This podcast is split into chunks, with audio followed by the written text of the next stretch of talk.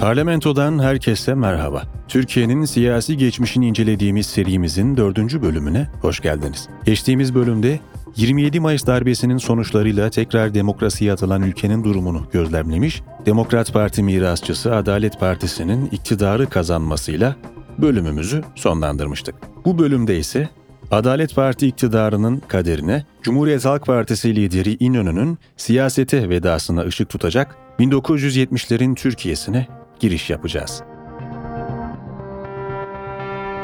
65 seçimleri ardından Türkiye 1965 senesinde kurulan sandıklardan Adalet Parti zaferle ayrılmış, Süleyman Demirel liderliğindeki parti hükümeti kurmak için harekete geçmişti. Demokrat Parti mirasçısı Adalet Partisi'nin bu zaferi 27 Mayıs'ın mimarlarını huzursuz etmiş, yapılan askeri müdahalenin boşuna yapılmış olmasından korkulmuştu. Seçimler halkın isteğini siyasete yansıtmış, ordunun taleplerini ise açık arayla ıskalamıştı. Adalet Parti hükümeti bu atmosfer içerisinde ülkeyi yönetmeye başlayacaktı. 1965'te başlayan Adalet Parti hükümetinin politikaları ise iki taraflı incelenebilirdi. 1965 yılından 1971 yılına kadar süren Demirel'in başbakanlık döneminde ekonomik açıdan Türkiye tekrardan kalkınma yolunda ilerliyordu. Başbakan Demirel, günümüzde ismi 15 Temmuz Şehitler Köprüsü olan köprünün inşaatını sağlamış, Keban Barajı bu dönemde yapılmıştı. Ayrıca Ereğli Demir Çelik işletmeleri de bu dönemde kurulmuştu. 50'li yıllarda yükselen enflasyon sakinleşmiş, kalkınma hızı yükselmeye başlamıştı. Türkiye, ekonomik krizlerden aldığı yaraları sarmaya başlıyor gibi gözüküyordu. Biz ne söylüyoruz? Biz diyoruz ki can siperhane gayretlerle Türkiye'nin meselelerini halletmeye talibiz. Biz makam ve mevkiye talip değiliz. Makam ve mevki bu hizmetleri görebilmek için lazımdır. Biz Türkiye'nin meselelerine talibiz. Daha hükümetin kuruluşu şimdi ilan ediyorum. Beş dakika bile olmadı. Siz bana ömrünü soruyorsunuz. Biraz sabırlı olun. Siz de olun biraz sabırlı. İyi niyetli olun beyler. Başbakan Süleyman Demirel, Adalet Parti iktidarının hedeflerini seçim sonrası verdiği bu demeçle açıklamıştı. Bir taraftan da ülkenin her yerinde hissedilen Adalet Parti ordu gerginliği sürüyor, silahlı kuvvetler içerisinde bulunan bileşenlerin Adalet Partisi iktidarından rahatsız olduğu ilk bakışta anlaşılıyordu. 1960 yılı itibariyle siyasetin gidişatına yön vermeye çalışan ordunun yine bir ihtilal girişiminde bulunmayacağı ise uzak bir ihtimal olarak kalıyordu. Siyasiler, akademisyenler, gazeteciler, vatandaşlar, herkes ordunun demir yumruğunu her an indirebileceği beklentisiyle hayata devam ediyorlardı. Yıllar bu atmosfer içerisinde geçiyor, siyasetin gergin havası değişmiyordu. 1966 senesinde Milli Birlik Komitesi lideri Cemal Gürsel, rahatsızlanması sebebiyle Cumhurbaşkanlığı görevinden istifa etti. Gürsel'in yerine ise 12. Genelkurmay Başkanı Cevdet Sunay getirildi. Cevdet Sunay'ın Cumhurbaşkanlığı görevine gelişi ise hem ordunun tepki vermesini engelliyor hem de sivil yönetimin devamı için bir garanti olarak görülüyordu. 1969'da seçimler yaklaşırken yaşanan son kriz ise Demokrat Parti üyeleri üzerineydi. Yassıada yargılamaları sonrasında tutuklanan Demokrat Parti üyeleri, Başbakan Demirel tarafından af çıkarılarak serbest bırakılmak isteniyordu. Demirel ve partisinin bu isteği ise ana muhalefet lideri İnönü tarafından da destekleniyordu. Nihayetinde İnönü, en başından beri darbe yapılmasını savunmuyor, darbenin ağır sonuçlarının yumuşatılması gerektiğini düşünüyordu. Bu talep üzerinden anlaşmaya varan Demirel ve İnönü, af çıkarılmasını öngören teklifi meclise taşınması üzerine çalışmaya başladılar. Mecliste görüşülmesinin ardından kabul edilen teklif, her ne kadar halkın desteğini alan bir hamle olsa da ordunun hiddetini uyandırmıştı. Başta Cumhurbaşkanı Cevdet Sunay olmak üzere ordu mensupları bu teklifi Demokrat Parti döneminin restorasyonu olarak yorumlamış ve iptal edilmesi için meclise baskı uygulamaya başlamışlardı. Ülke tekrar sandık başına giderken bu gerginlik çözülemeyecek bir düğüm haline gelmişti. Bu atmosferde teklifin yasalaşması için karar alması gereken Cumhuriyet Senatosu, teklifi seçimin ardından görüşmek üzere erteleme kararı aldı.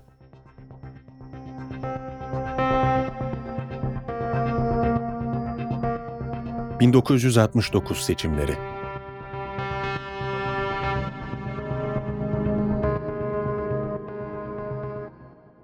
...12 Ekim 1969 tarihinde Türkiye yine sandık başındaydı. Vatandaşlar ellerine aldıkları seçim pusulalarının uzunluğu karşısında hayret içindeydiler. Bu seçimde katılım oranının %64,3 seviyesinde kalması 1969 seçimlerinin bugüne kadarki en düşük katılıma sahip seçim olarak tarihe geçmesine sebep olacaktı. Bu seçimde dağıtılan pusulalarda 8 parti bulunuyor. Bunlara ek olarak da bağımsız adaylar dikkat çekiyordu. 1965 yılından bu yana yeni partiler kurulmuş ve bu partiler de seçime katılmıştı. Önceki seçimde bulunan Adalet Partisi, CHP, Millet Partisi, Yeni Türkiye Partisi ve Türkiye İşçi Partisi haricinde 3 yeni isim pusulada yerlerini almıştı. Bu partilerin ilki Milliyetçi Hareket Partisi'ydi. MHP aslında eski Cumhuriyetçi Köylü Millet Partisi'nin yenilenmesiyle oluşmuştu. Partinin lideri eski Milli Birlik Komitesi üyesi Alparslan Türkeş'ti. Türkeş'in partisi Türkiye siyasetinde daha önce görülmemiş bir çizgide bulunuyordu. Türkçülük fikri halihazırda siyasetin bir gerçeği iken hiçbir parti bu fikre MHP kadar sarılmamıştı. MHP siyasi spektrumda aşırı sağ bir duruş sergiliyor, politikaları ise muhafazakarlık, Türkçülük ve sol karşıtı fikirler etrafında şekilleniyordu. Pusuladaki yeni isimlerden bir diğeri de Güven Partisi'ydi. Güven Partisi, Turhan Feyzioğlu önderliğinde CHP içerisindeki muhalif bir grubun ayrılmasıyla kurulmuştu.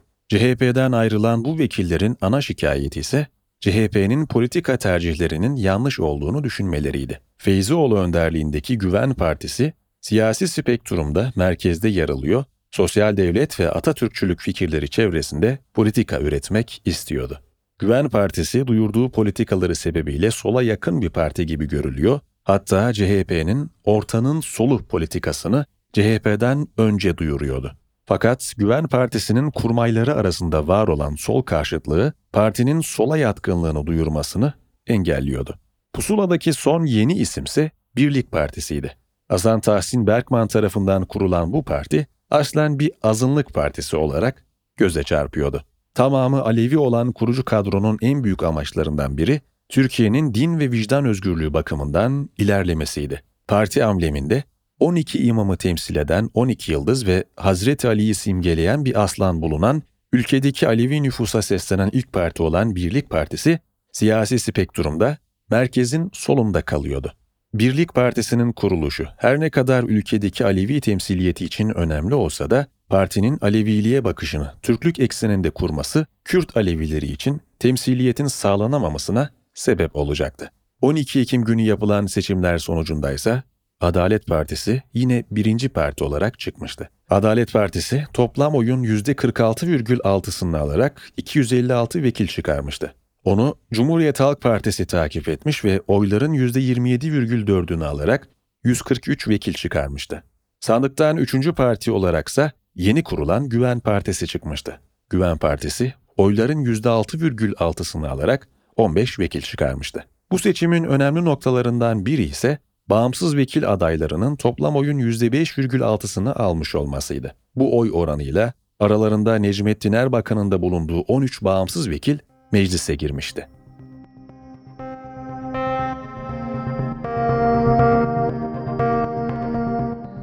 Liderlerin zor yılları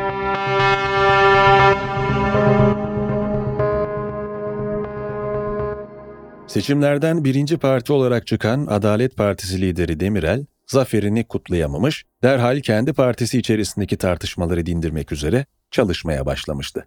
Demirel, her ne kadar muhafazakar bir partinin başkanı olsa da Adalet Partisi içerisindeki daha radikal vekillerle anlaşamıyor, Demirel'in ılımlı tutumu parti içerisindeki muhalif kesimlere ulaşmıyordu. Seçim sonrasında kutlama yapması gereken parti, seçim öncesi tartışmaların tekrar gündeme gelmesiyle kaosa sürükleniyordu. Ülkedeki sağ-sol tartışmaları, ekonomik duraklamalar ve hükümlü Demokrat Parti üyelerinin affı konuları Demirel'in önüne getirilince cevapsız kalıyordu.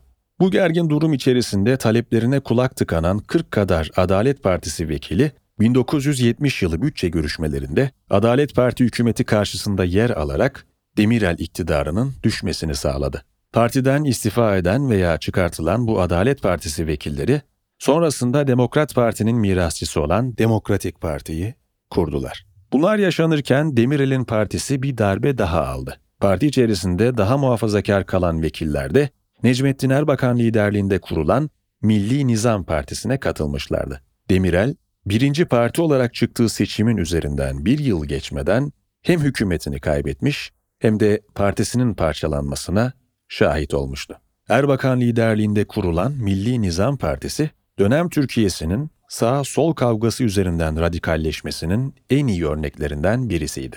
Bu tarihe kadar aşırı sağ ve sol partilerin var olmadığı sistemde artık Milliyetçi Hareket Partisi ile birlikte iki büyük aşırı sağ parti bulunuyordu.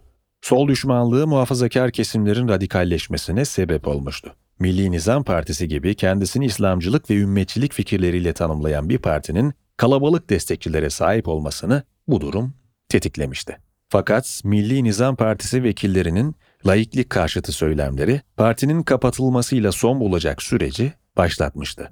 Erbakan liderliğindeki bu parti Atatürkçülük ve laiklik esaslarına uymadığı gerekçesiyle 1971 yılında Anayasa Mahkemesi kararıyla kapatılmıştı. Bu dönemde sıkıntı yaşayan partiler sadece Adalet Partisi ve Milli Nizam Partisi değildi. Cumhuriyet Halk Partisi yönetimi de partinin parçalanmasından korkuyordu. Hali hazırda Güven Partisi'nin kurulduğu süreç Cumhuriyet Halk Partisi'ne zarar vermiş, seçimlerde yaşanan oy kaybı da parti içerisindeki motivasyona ciddi zararlar vermişti. Bir dönemin milli şefi İnönü, partinin koşulsuz sadakatini arkasında hissetmiyor, parti içinden ve dışından gelen baskılar İsmet Paşa'yı korkutuyordu.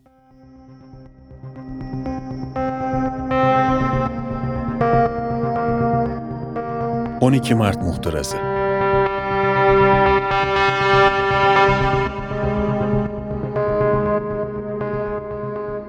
Türkiye, 60'ların başından itibaren sağ-sol tartışmalarıyla çalkalanıyor, tarafların radikalleşmesinden korkuluyordu. Bu korkular 69 senesinde zirve yaptı. 16 Şubat 1969 tarihinde gerçekleşen şiddet olayları tarihe kanlı pazar olarak geçecekti. ABD 6. filosunu protesto etmek amacıyla Beyazıt Meydanı'nda toplanan sol görüşlü gençlik örgütleri, meydanda bekleyen sağ görüşlü grupların saldırısına uğradı. Yaşanan arbede sonucunda ölümler ve yaralanmalar yaşandı. Ülkenin genelinde sol karşıtı görüşler kurulan siyasi partilerle güç kazanıyor, buna karşılık sol görüşlü vatandaşlar da örgütlenmeye çalışıyordu. 1970 yılı itibariyle de yaşanan gerginlik tırmanışa geçti. Sendikaların gücünü kısıtlayan bir kanun teklifinin meclisten geçmesiyle ortalık tekrar karıştı.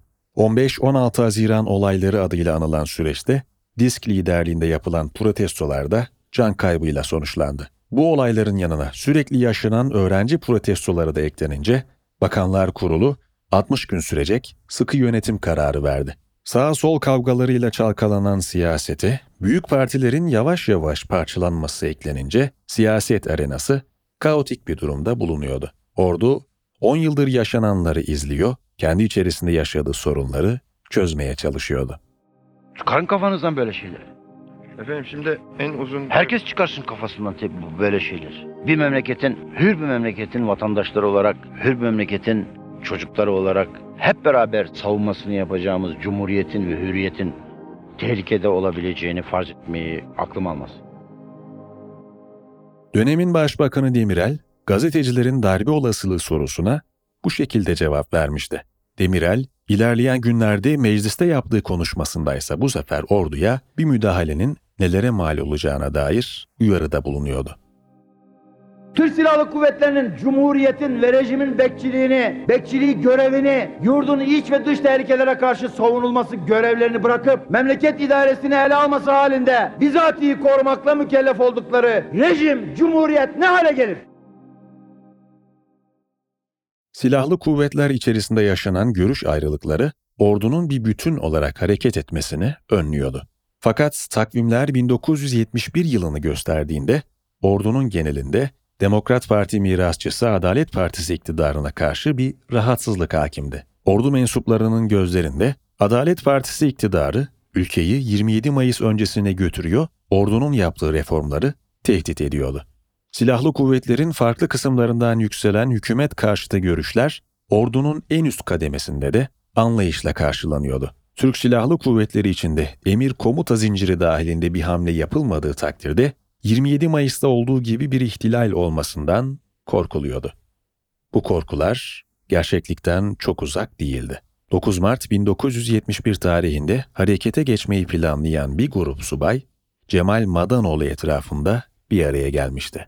27 Mayıs'ın mimarı olan Madanoğlu'nun darbe teşebbüsünde bulunmasının önüne geçilmek için TSK'nın en üst kademesi harekete geçme kararı aldı. Öncelikle 9 Mart'ta harekete geçmeyi planlayan grup saf dışı edildi. Ardından da Genelkurmay Başkanı Orgeneral Memduh Tağmaç, Kara Kuvvetleri Komutanı Orgeneral Faruk Gürler, Hava Kuvvetleri Komutanı Orgeneral Muhsin Batur ve Deniz Kuvvetleri Komutanı Oramiral Celal Eğicioğlu tarafından bir muhtıra metni kaleme alındı.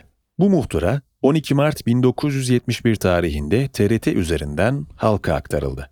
Ordu, emir komuta zinciri içerisinde Demokrat Parti mirasçısı Adalet Parti'nin iktidarı bırakmasını, ülkedeki kaotik gidişatın durdurulmasını talep ediyordu. Talepler kabul edilmediği ya da uygulanmadığı takdirde ise ordu tekrar yönetime el koyacaktı. Bu atmosferde Demirel istifasını vermek zorunda kaldı. Hükümet düştü, ordunun talebine uygun olarak bağımsız bir vekil bulunacak ve teknokrat bir hükümet kurulacaktı. Bu arayış sonucunda Türkiye 1973 yılında yapılacak seçimlere kadar ordunun arkasında bulunduğu hükümetlerle yönetilecekti. Bu hükümetlerin başındaysa sırasıyla Nihat Erim, Ferit Melen ve Naim Talu bulunacaktı. Bu dönem Türkiye'sinde yaşanan olaylar kısaca 61 Anayasası'nın daraltılmasıyla özetlenebilirdi. Başbakanlık döneminde Erim'in ifadesiyle 61 Anayasası Türkiye'ye lüks gelmişti. Türkiye 12 Mart muhtırası ile birlikte demokrasi yolculuğunda yine bir darbe almış hatta özgürlükçü anayasasını kaybetmeye başlamıştı. Ordunun desteğiyle ülkeye diz çöktürmeye çalışan Erim, Melen ve Talu hükümetlerinde sol görüşlü vatandaşlara da adeta savaş açılmıştı. Erim'in başlattığı anti-sol politikalar ilerleyen yıllarda Balyoz Harekatı olarak hatırlanacaktı. Bu harekat dahilinde sol görüşlü kurum ve örgütlere karşı bir cadı avı başlatılacak ve Türkiye İşçi Partisi, DİSK gibi kurumlar ülkenin bütünlüğüne zarar verdikleri gerekçesiyle kapatılacaktı. Aşırı sol örgütlerse bu dönemde daha da radikalleşerek silahlı kuvvetlerle çatışmaya girişmişlerdi. Türkiye'de solun önemli isimlerinden Deniz Gezmiş, Yusuf Aslan ve Hüseyin İnan'ın yakalanmasının ardından tetiklenen olaylarda silahlı çatışmalar çıkmıştı. Türkiye Halk Kurtuluş Partisi cephesi militanları tarafından İsrail Başkonsolosu Efraim Elrom kaçırılmış ve Gezmiş'in serbest bırakılmasını talep etmişlerdi. Bu talep karşılanmadığı için de Elrom militanlar tarafından infaz edilmişti. Elrom'un infazı ardından militanlar ve ordu arasında çatışmalar devam etmiş, devlet mekanizmaları solla ilişkilendirdiği her vatandaşın üstüne çökmüştü. Dönemin pek çok aydını bu olaylar sırasında tutuklanmıştı. Balyoz Harekatı son bulduğunda ise Deniz Gezmiş, Yusuf Aslan ve Hüseyin İnan idam edilmiş, Türkiye'de sol görüşü savunan kurum ve organizasyonlar pasifize edilmişti.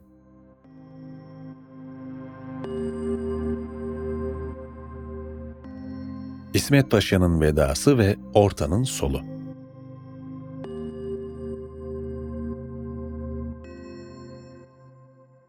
Türkiye ordu baskısı altında zor bir dönemden geçerken CHP yönetimi iç tartışmalarıyla mücadele ediyordu.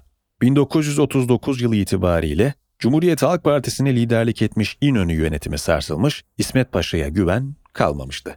İnönü, 12 Mart muhtırasına açıkça karşı çıkılmaması gerektiğini savunuyor ve oluşturulan partiler üstü hükümetlere katılması gerektiğini düşünüyordu.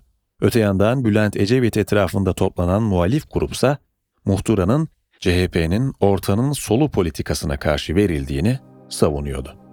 Teşebbüse geçmiş olan ordu uzun zamandan beri devam eden ıstırabın ve bunalımın çaresiz bir hareketi olarak teşebbüs ettiği anlaşılıyor. Ordunun hedefi bir an evvel e, memlekette tabii hayatın, demokratik hayatın kurulup işlemesi olduğu anlaşılıyor.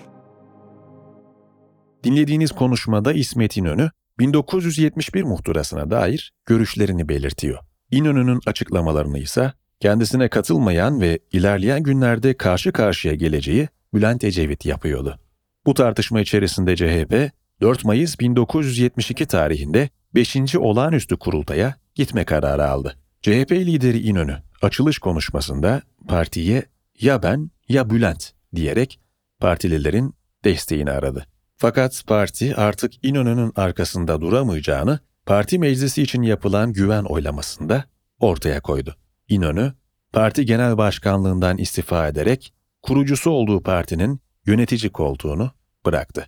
Yapılan oylamada Bülent Ecevit genel başkanlığa getirildi. İnönü'nün CHP'si artık tarihe karışmış, Ecevit'in CHP'si doğmuştu.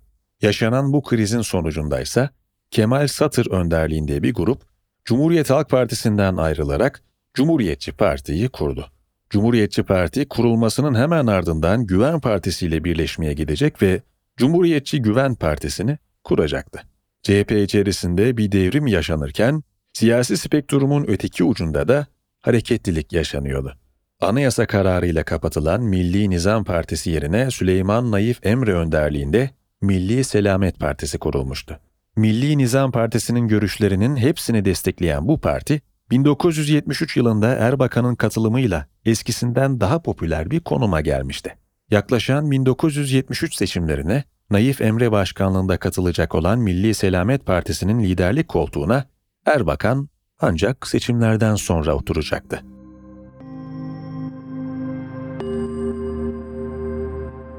Cumhurbaşkanlığı krizi ve beklenmeyen ittifak.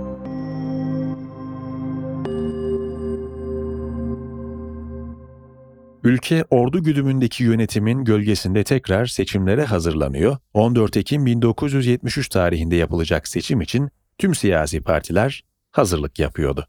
12 Mart muhtırasının neticesinde doğan hükümetler 1961 anayasasıyla gelen özgürlükleri daraltmış, üniversite ve basın organlarının özelliğini de kaldırmıştı.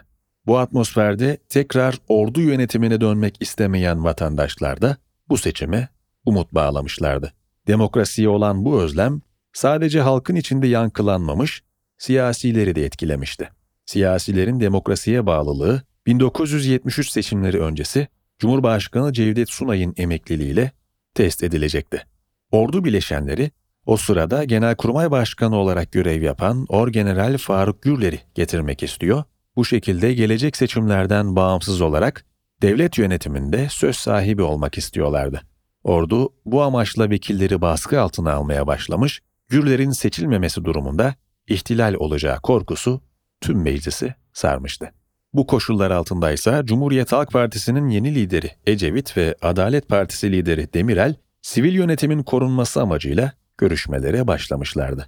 Bu noktaya kadar sürekli karşı karşıya bulunan iki rakip lider, askeri vesayet tehdidi karşısında bir araya gelmiş, çareyi ortak bir aday belirlemekte bulmuşlardı. Verilen kararın ardından arayışa başlayan bu beklenmedik ittifakın çözümü ise kontenjan senatörü emekli oramiral Fahri Korutürk'ün belirlenmesiyle olmuştu. Korutürk, ordudan emekliye ayrılması ardından devlet kademelerinde görev almış, siyasiler tarafından güvenilen bir isim olarak öne çıkmıştı. Bu olayları takiben mecliste yapılan Cumhurbaşkanlığı seçimlerinde Adalet Partisi, CHP ve Cumhuriyetçi Güven Partisi ittifakının adayı Fahri Korutürk, Türkiye'nin 6. Cumhurbaşkanı olarak seçilecek ve 1980'e kadar sürecek olan görevine başlayacaktı. Ordunun süre gelen baskılarına rağmen siyasi partilerin Korutürk'ü seçmesi, halk tarafından ordunun ağırlığının azalması olarak yorumlanmıştı. Gürler'in seçilmesini engelleyen ittifaksa kısa süreli bir zafer havasını birlikte solumuş, seçimin yaklaştığı günler daha ılımlı bir havayla geçmişti.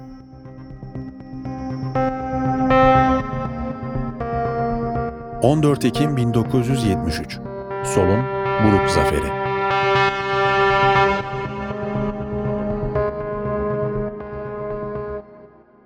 Seçim günü geldiğinde ülkenin dört bir yanında sandıklar kurulmuş, oylar verilmeye başlanmıştı. Bu seçimlerde 1969'da olduğu gibi düşük bir katılımla gerçekleşmiş, seçmenlerin sadece %66,8'i oy vermek için sandık başına gelmişti. Cumhurbaşkanlığı krizi sırasında partiler arası iyileşen diyaloglar yerlerini yine agresif mesajlara bırakmış, seçim günü gerginlik zirve yapmıştı. Sandıklar açıldığında ise Ecevit'in CHP'si sandıktan buruk bir zaferle birinci parti olarak çıkmıştı. CHP toplam oyun %33,3'ünü almış ve 185 vekil çıkarmıştı. Ecevit liderliğindeki CHP, oy ve vekil sayısını artırmış ve birinciliğe yerleşmişti. Fakat bu başarı, Ecevit'in tek başına iktidar olması için yeterli olmamış, iktidar olmak için gereken 226 sandalyeye ulaşılamamıştı. CHP'yi %29,82 oyla Adalet Partisi takip etmiş ve Adalet Partisi 149 vekil çıkararak ana muhalefet partisi haline gelmişti. Sandıktan üçüncü parti olarak da Demokrat Parti'nin doğrudan mirasçısı olan Demokratik Parti çıkmıştı. Demokratik Parti'nin oyları toplam oyun %11,89'unu oluşturmuş ve partinin 45 vekil çıkarmasına imkan vermişti. Dördüncü sırada ise Milli Selamet Partisi vardı. Milli Selamet Partisi oyların %11,8'ini almış, meclise 48 vekil göndermişti. Milli Selamet Partisi'nin bu başarısı ülkedeki aşırı sağ kitlenin büyüdüğünü kanıtlamıştı. Demirel'in Adalet Partisi 65 ve 69 seçimlerinden sonra ilk defa bir seçimden ikinci olarak çıkmıştı. Önceden ordu tarafından hükümeti düşürülen Demirel bu sefer halkın desteğini alamamıştı. Adalet Partisi'nden kopan partilerde Adalet Partisi'nin oylarını bölerek Demirel'i iktidardan uzaklaştırmışlardı. Öte taraftan Ecevit de kazandığı zaferin içinde bir yenilgi bulunduruyordu. Ecevit, çoğu merkezin sağında olan bu partilerin karşısına sol görüşün çatısı olarak çıkmış ve iktidarı alamamıştı. Ecevit'in hükümeti kurması için diş dişe geldiği bu partilerin birini koalisyon ortağı olarak kabul etmesi gerekecekti. Seçimin ertesinde teker teker olası koalisyon ortaklarını ziyaret eden Ecevit, koalisyon sorununun çözümünü ideolojik olarak diğer uçta bulunan Milli Selamet Partisi'nde bulmuştu. Bu beklenmedik ittifakın doğurduğu koalisyon daha ilk aylarında Kıbrıs sorunuyla karşı karşıya gelecekti. 1973 yılı bir sona yaklaşırken Türkiye kendisini hem çalkantılı bir koalisyonun yönetiminde hem de bir savaşın ortasında bulacaktı. Koalisyon hükümetlerinin bir bir kurulup yıkıldığı gelecek yıllardaysa sağ sol çatışmaları giderek artacak ve gerilim zirveye ulaşacaktı. Bir sonraki bölümde 1970'lerin hareketli ve değişken siyasetini inceleyeceğiz. Parlamento yakın geçmiş her perşembe Aposto Radyo'da.